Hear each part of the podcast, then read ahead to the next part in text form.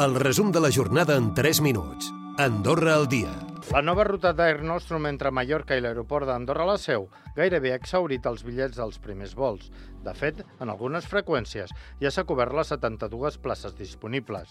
Des del sector balear de les agències de viatge destaquen que les ventes superen les previsions, sobretot quan encara no fa un mes que es van anunciar el nou trajecte. Sentim Pedro Fiol, president de l'agrupació empresarial d'agències de viatge de Balears. I podien dir que inclús eh, hi ha dies, sobretot coincidint amb el pont de les Illes Balears conegut aquí a les nostres illes com a el pont de l'esquí, que hi hauria ja freqüències pràcticament plenes.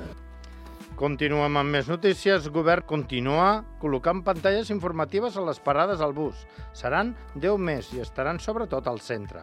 L'import de la instal·lació i el manteniment supera els 95.000 euros. S'encarregarà fer de solucions. L'objectiu és millorar el transport públic. L'any passat es va començar la prova pilot on cinc parades de bus diferents tenien pantalles digitals amb informació sobre els propers busos. Ara, Govern ha adjudicat que es col·loquin 10 panells més a diverses marquesines del país, sobretot al centre. S'ha fet de la mà de fer de solucions per uns 95.000 euros.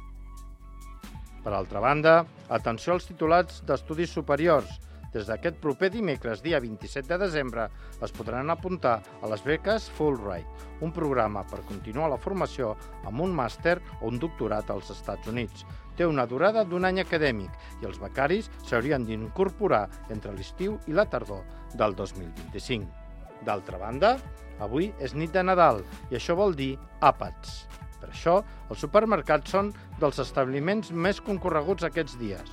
Ja fa temps que amb la inflació a l'alça, els preus dels aliments són dels productes que més han pujat, i això es nota a les butxaques. Ara bé, enguany ha donat una mica de treva i això ha fet que aliments com el peix o el pernil hagin baixat de preu. Ara bé, tot i no baixar de preu, el marís i els peixos fumats segueixen sent de les compres que no falten mai als carros en aquesta època nadalenca. Parlant de compres, precisament la Cambra de Comerç constata que els hàbits de consum han canviat darrerament i les botigues s'hi han d'adaptar.